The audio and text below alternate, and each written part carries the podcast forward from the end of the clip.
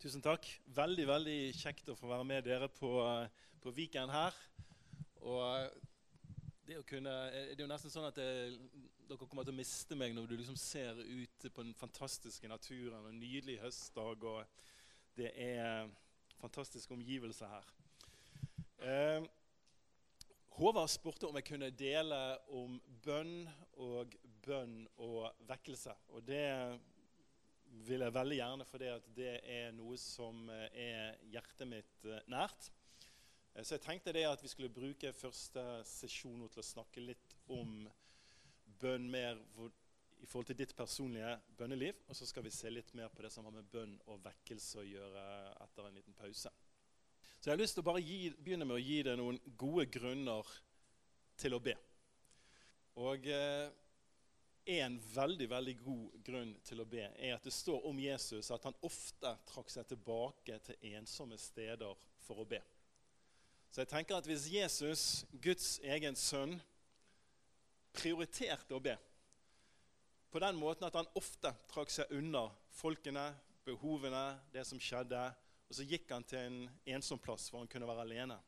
Og han gjorde det fordi han kjente jeg må bruke tid alene med far så tenker jeg at det, det, betyr vel antagelig at du og jeg òg gjør lurt i å tenke på samme måten. Vi trenger å bruke tid eh, alene med far. Og du ser òg det i Jesus sitt liv, det at eh, eh, når det var viktige ting som skjedde, så brukte han ekstra tid i bønn.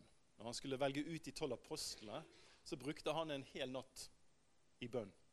For du vet, Jesus han, eh, han, eh, han var Gud. 100% Gud, men han var òg et menneske salvet av Den hellige ånd. Han var et menneske avhengig av å samarbeide med Den hellige ånd og, og, å høre fra Gud. Han, han sier faktisk det at 'jeg kan ikke gjøre noe av meg sjøl', men bare det jeg ser Faderen gjøre. Så når han skulle velge ut sine tolv nærmeste medarbeidere, så trengte faktisk Jesus å bruke en natt i bønn. Andre ganger, f.eks. i Markus kapittel 1, så finner du det at Jesus han står opp tidlig om morgenen. Dagen før så har det vært vekkelsesmøte. Først har det vært eh, møte i synagogen hvor Jesus kaster ut en demon av en mann. Om kvelden og sabbaten er over, så kommer hele byen der til huset der hvor Peter bor. Da har Jesus helbredet svigermoren.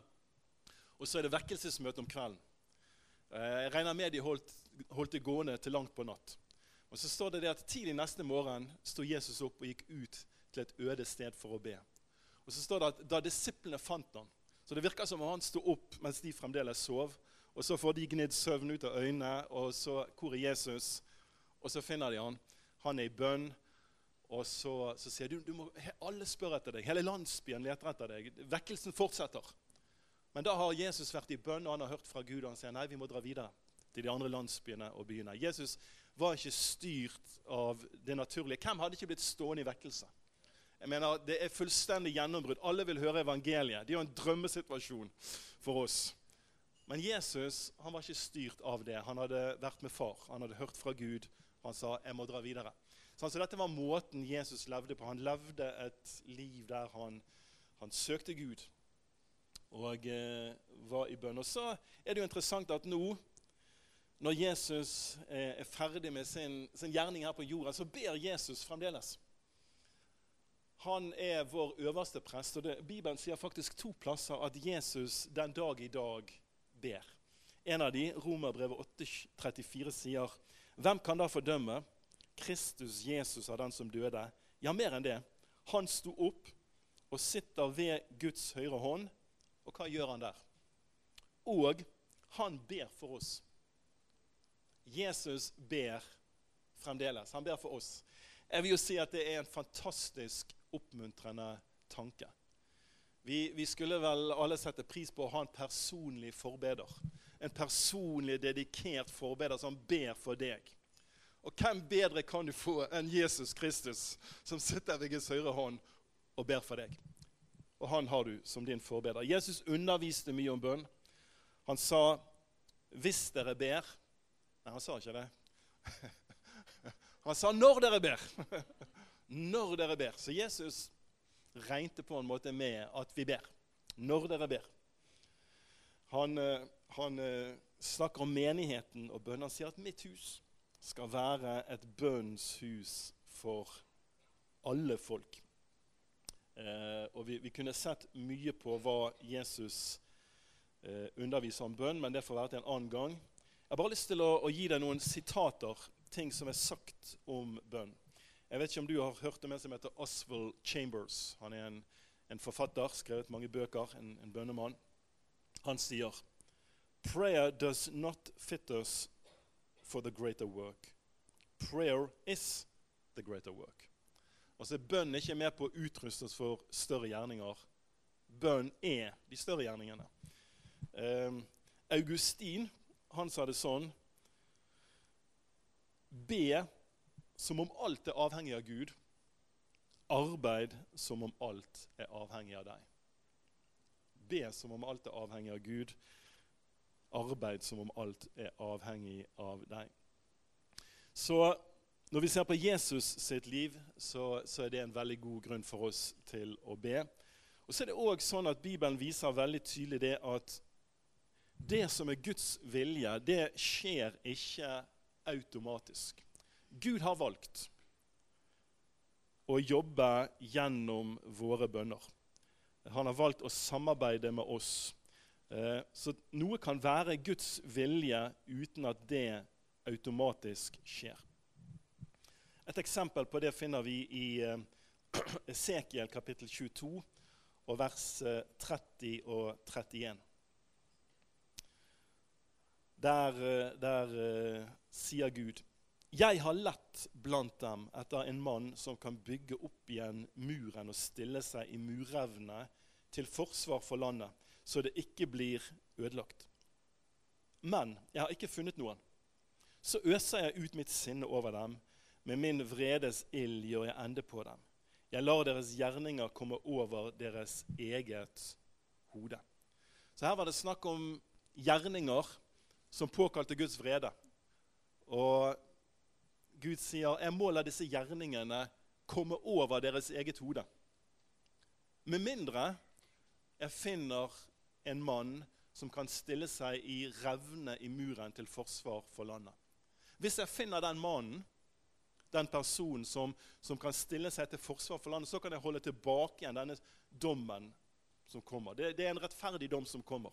Gjerningene deres påkaller min straff. Men Gud sier, 'Jeg leter etter noen som kan be.' 'Jeg leter etter noen som kan stille seg revne til forsvar.' Men, sier Gud, 'jeg fant ingen.' Derfor kommer denne dommen. Og Da er det jo bare å løfte blikket litt og se på vårt eget land. Og se på, på hvilke gjerninger som, som, som, preger vårt land. Så skjønner vi jo det at det på tilsvarende måte påkaller Guds vrede over landet vårt. All ugudeligheten og, og, og, og måten Gud blir vanæret på i bunn og grunn i nasjonen vår. Og så ser Gud etter noen som kan stille seg i murevne til forsvar for Norge til forsvar for Bergen og Trondheim og plassene der vi bor. Og så ser han etter oss at vi sier, 'Her er jeg. Jeg vil være en sånn som stiller meg i revne til forsvar for deg. Jeg vil be.'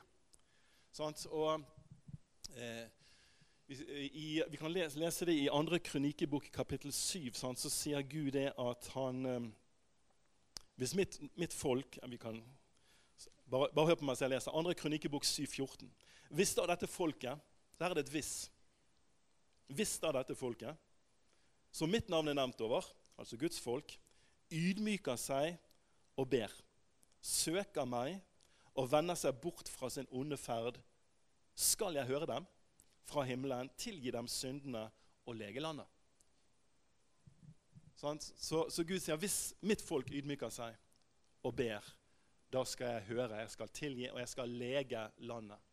Så vi, vi, er viktige. Vi, vi, er viktige i det at, um, at Guds vilje skal, skal, skje i nasjonen. Det er flere historier som, som, illustrerer dette med at det er ikke sånn at Guds vilje automatisk skjer. Gud samarbeider med oss i bønn. Du har historien med Elia, f.eks.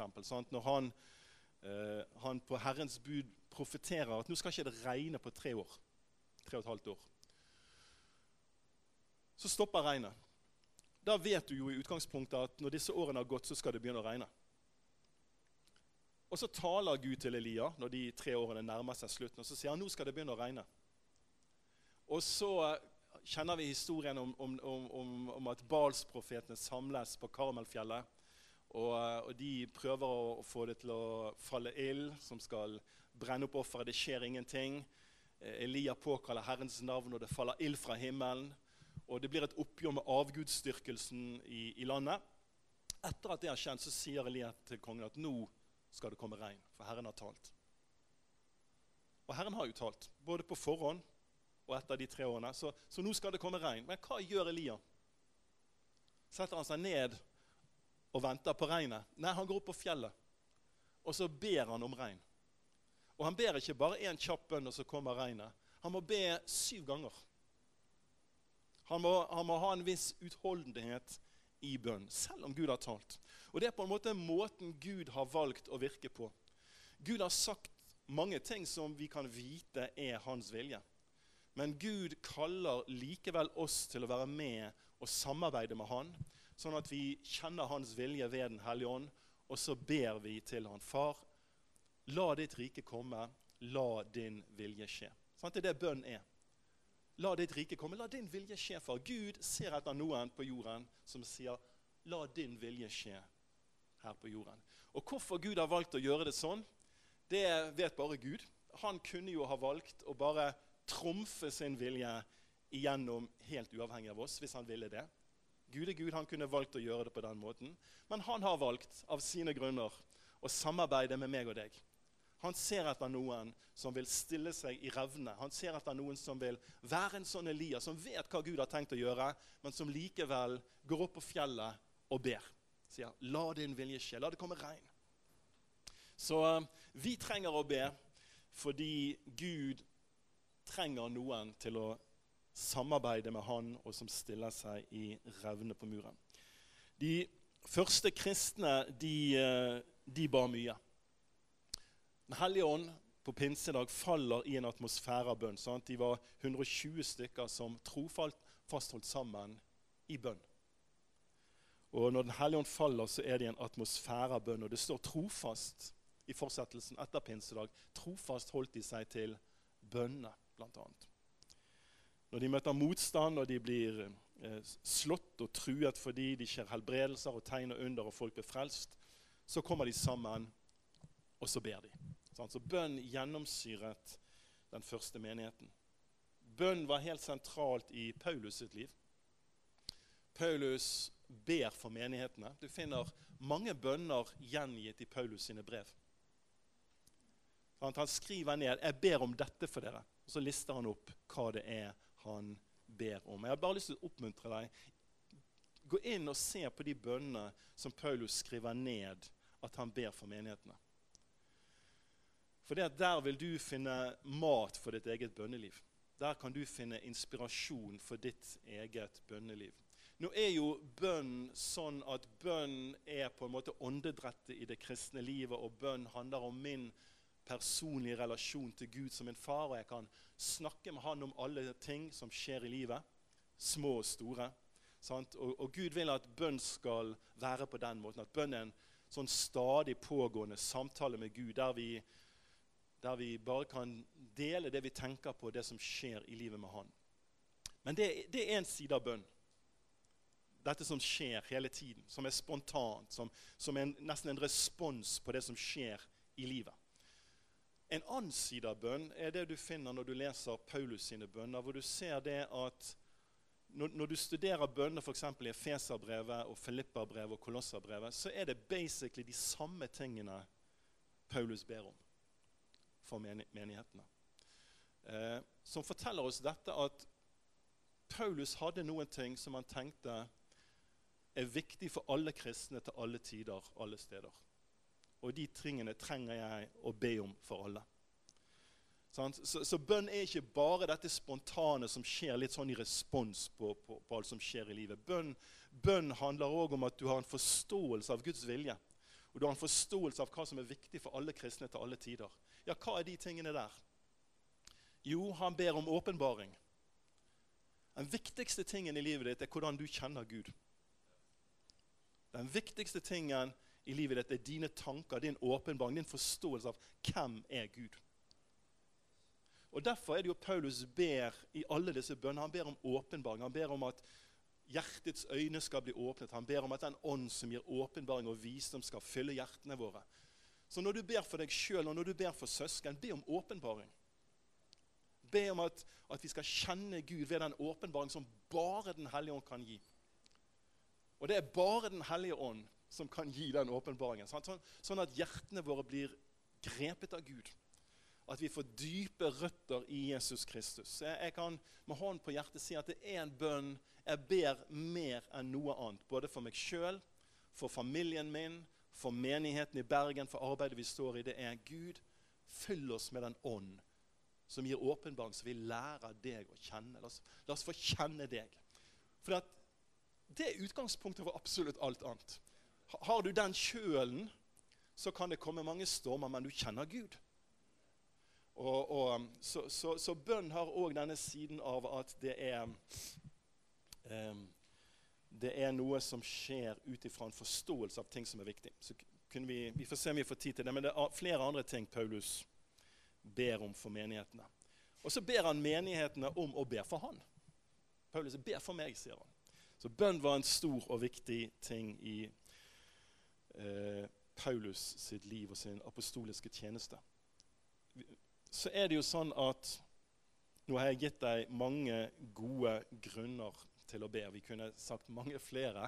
Men likevel så er det jo en kamp for de fleste av oss dette å liksom komme inn i et bønneliv som er på en måte blir en del av livene våre litt sånn over tid.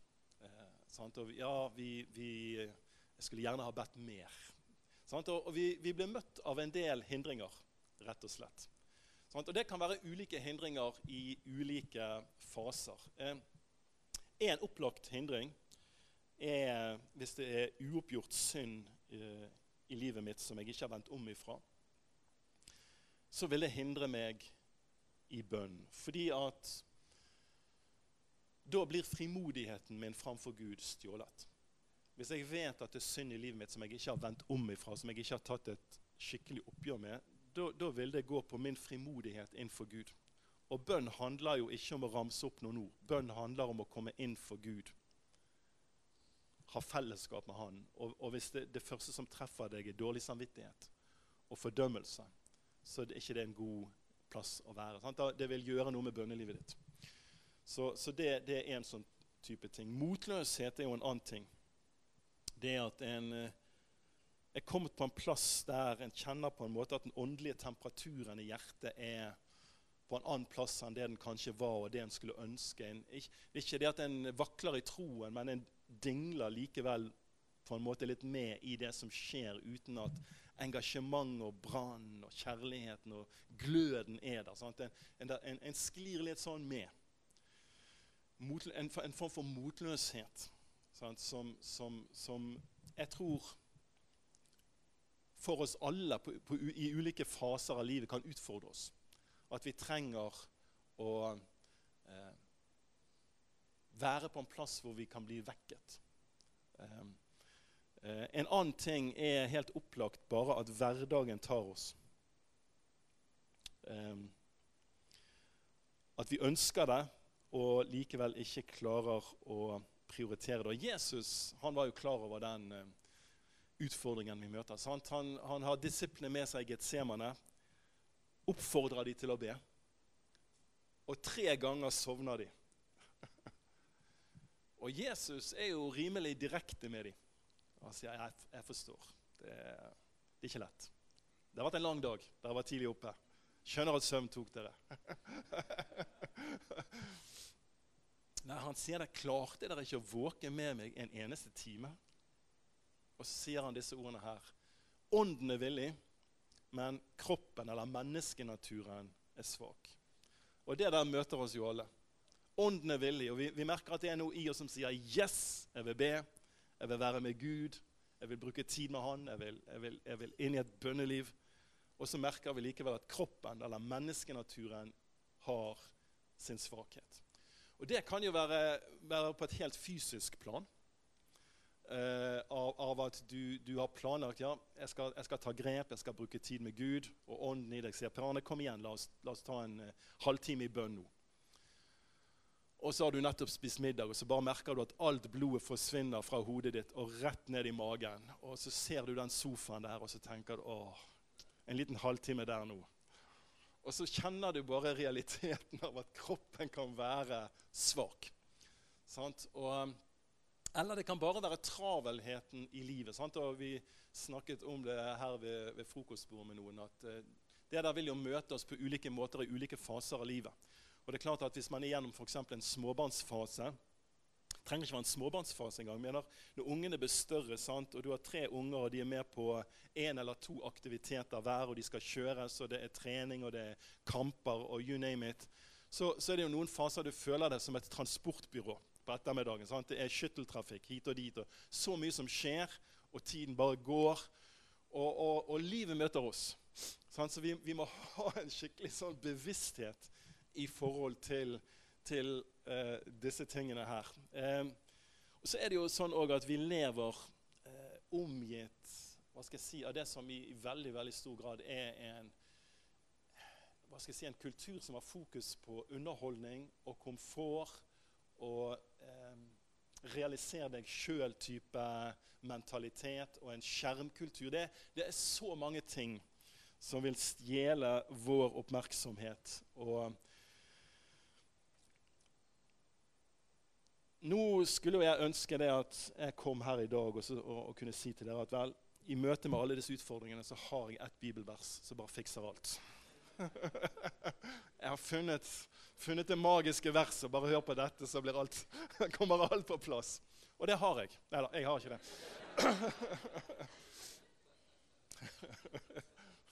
Matteus kapittel 30. Ja. um, jeg har ikke det.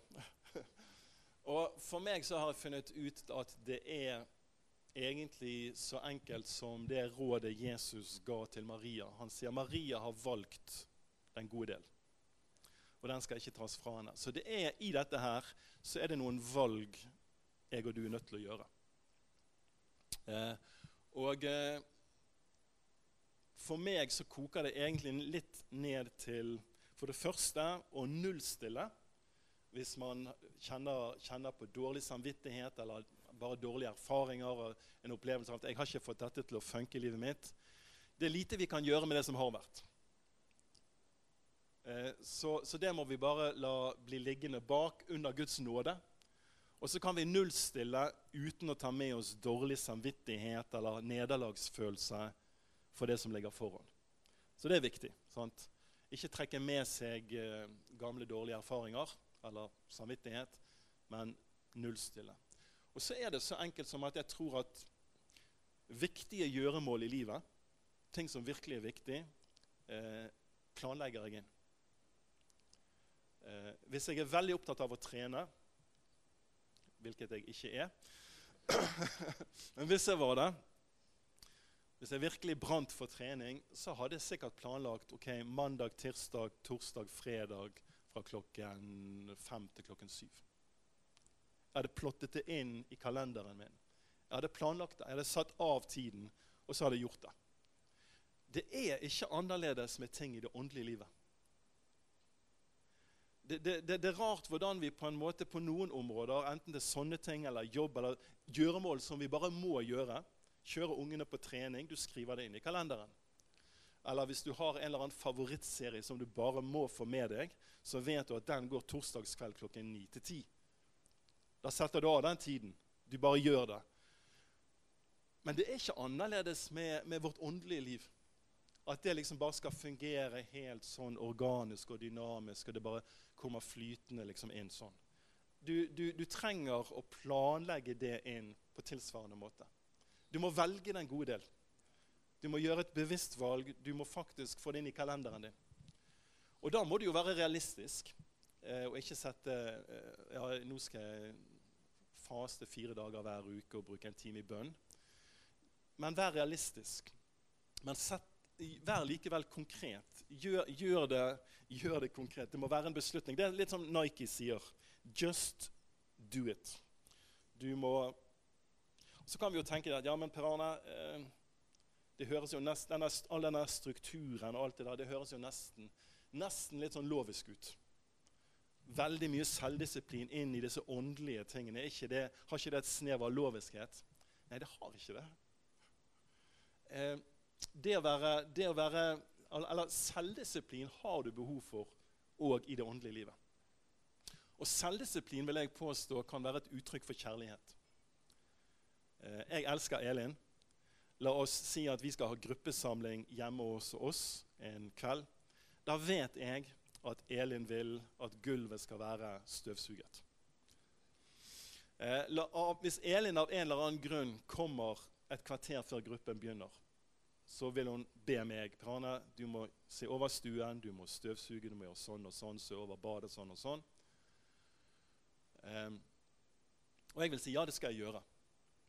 Uh, når tiden kommer for å gjøre det, så er det ikke sikkert at jeg ut ifra en voldsom følelse av kjærlighet for Elin bare må finne fram støvsugeren og støvsuge. Antagelig ikke. Den kjærligheten manifesterer seg ikke i en umotståelig trang til å støvsuge. Den kjærligheten viser seg i at jeg gjør det jeg vet er viktig for Elin. Men det er kjærlighet. Ja. Det er nok et snev av det òg.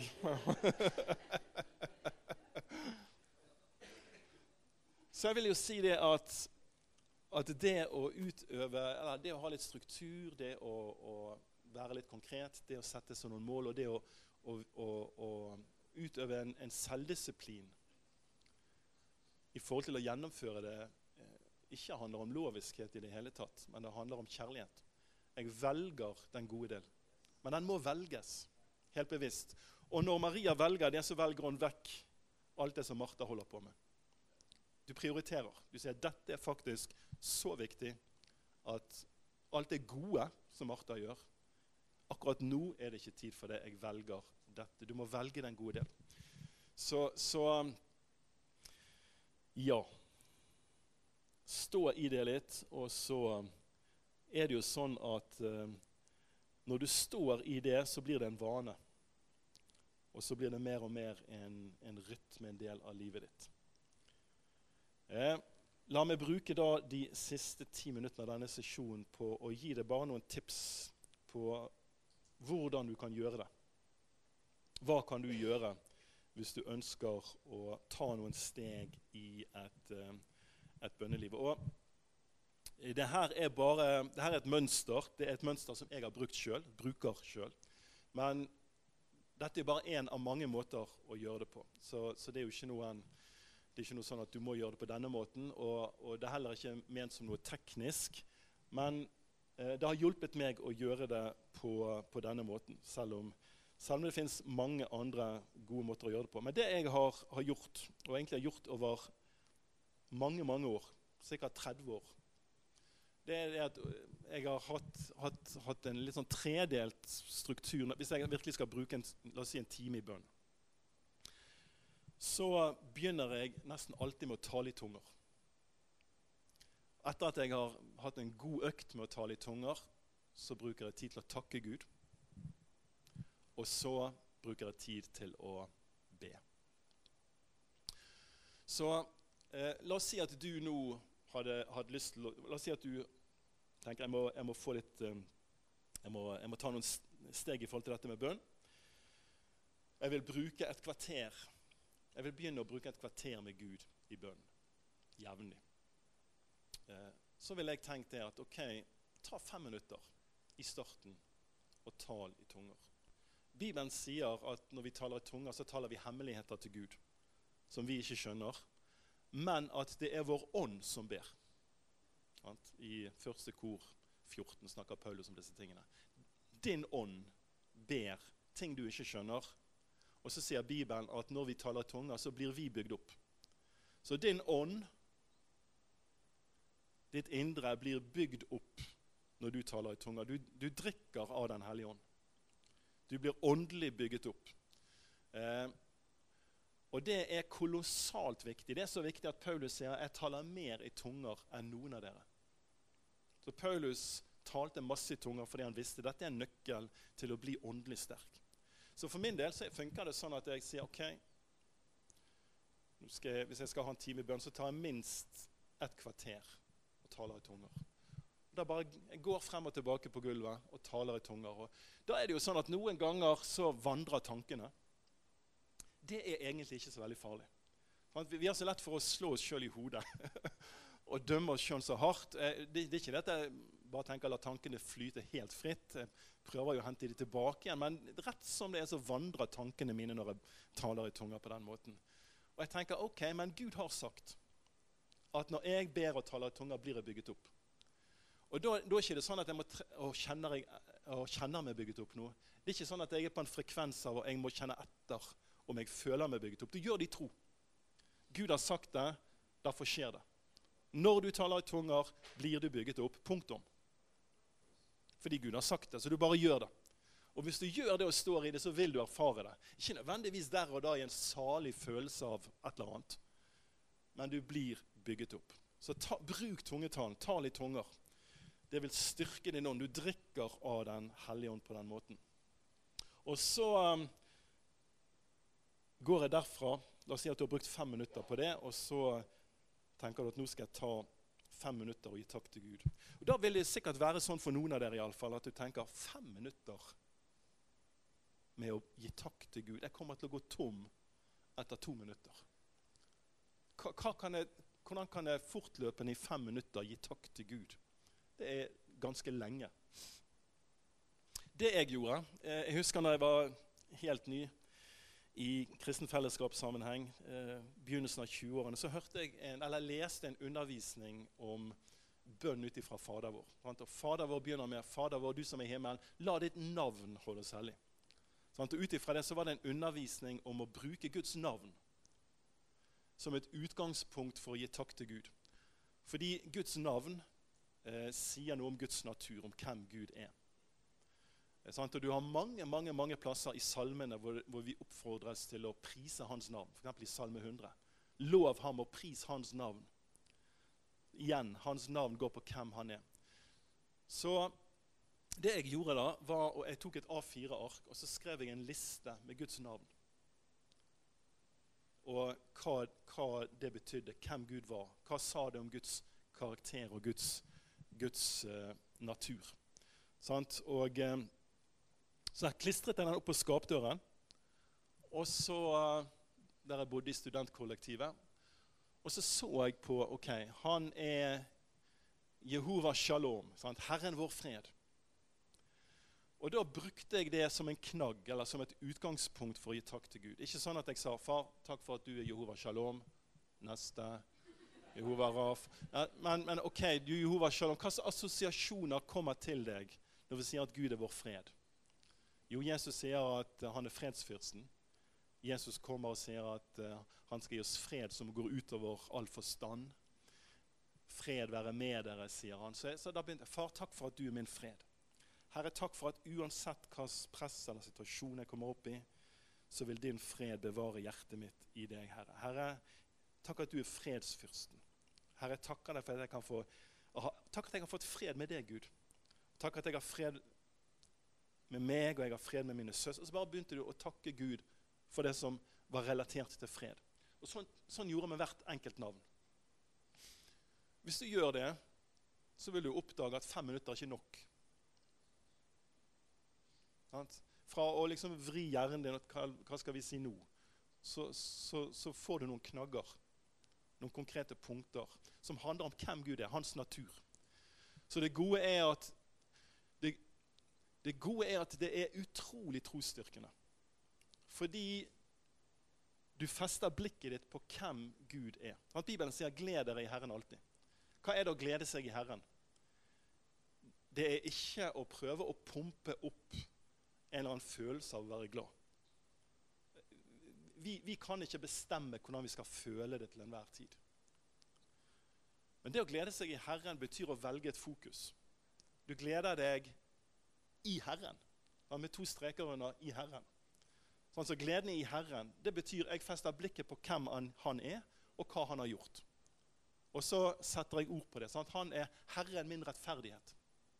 Herre, takk at du er min rettferdighet. Jesus, takk at du tok all min synd, all min skyld, alle mine forferdelige gjerninger. Alt som er galt. Herre, takk at du tok det på deg sjøl på korset.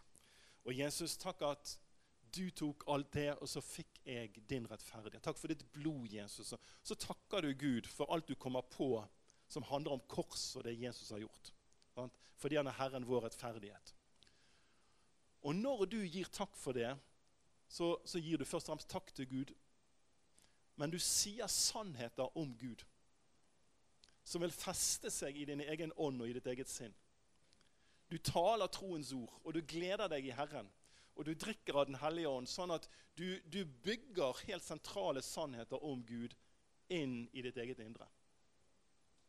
Så det, det, å, det står om Abraham at han ble sterk i troen i det han ga Gud ære.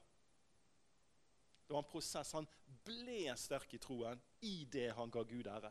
I det du takker Gud på denne måten, blir du sterk i troen fordi du setter et fokus på hvem Gud er. Og det tar du med deg når du går ut av det rommet.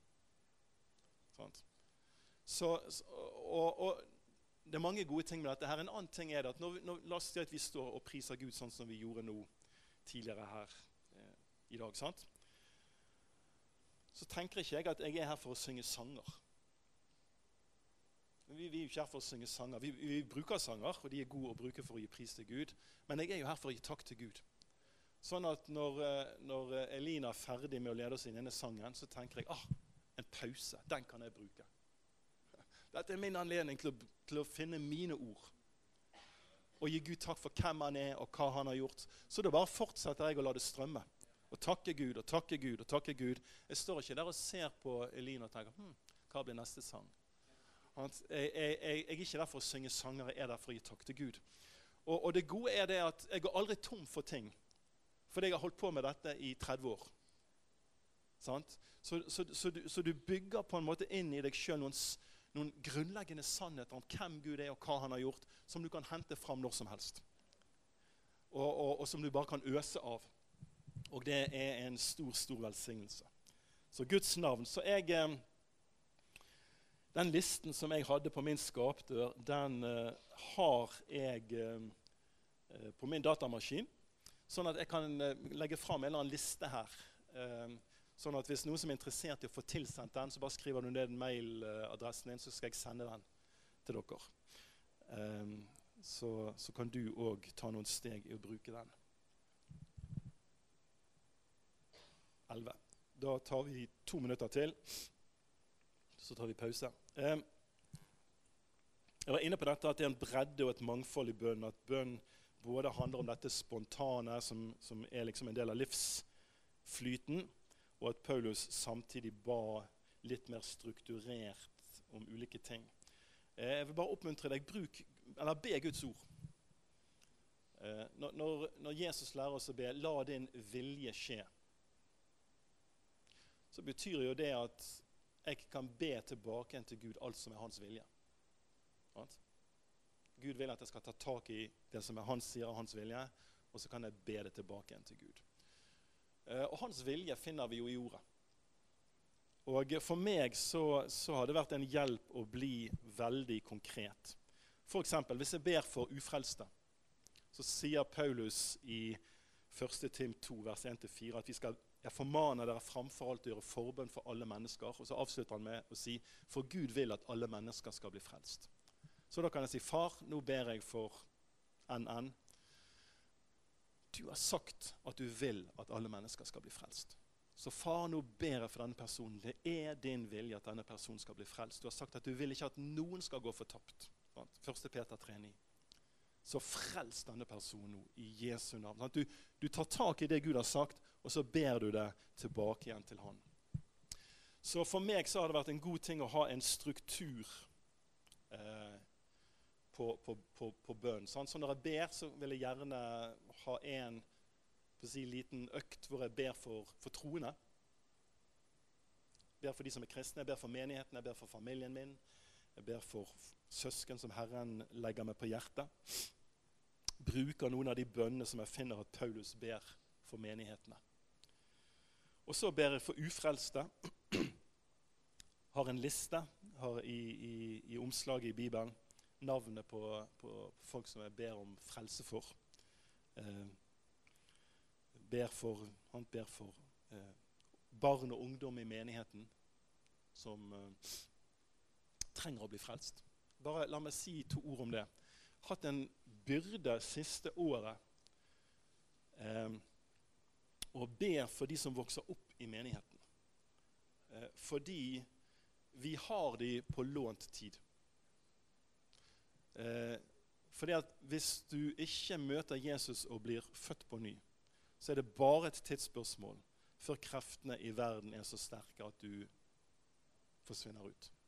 Og, og når du ser det skje iblant oss, som vi har, så, så, er det forferdelig vondt. At de voks, vokste opp imellom oss, men vi, vi, de kom aldri helt igjennom. Og så tenker jeg at det er ikke ungdomsarbeidernes ansvar. Og det er ikke bare foreldrene sitt ansvar, det er vårt ansvar som en menighet. Og det er vårt ansvar å be det igjennom.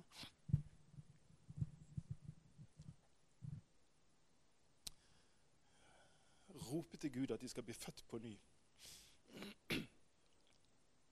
Førtenningene, tenåringene. Um, så, så gjør det til en del av bønnelivet ditt. Be be om at de som vokser opp imellom oss, skal få et møte med Jesus som er så levende, og radikalt og personlig. At de går fra mørke til lys, at de blir født på ny. Hvis ikke er det bare et spørsmål om tid. Så er de vekke. Eh, og hvis de ikke er vekke, men fremdeles ikke har møtt Gud, så er de i menighet, men ikke født på ny. Og det er like ille. Så, så og det gode er at vi har sett nå i siste, ja, siste månedene har vi sett en hel del av de ta imot Jesus, vende seg til Gud i dåpen. Men det er fremdeles mange som vi bare trenger å be gjennom til liv. Men be for ufrelste. Og så er det mange mange andre bønneemner som Den hellige ånd vil tale til oss om og legge ned i hjertene våre. Eh, men det får vi ta en annen gang. Så nå tar vi en pause.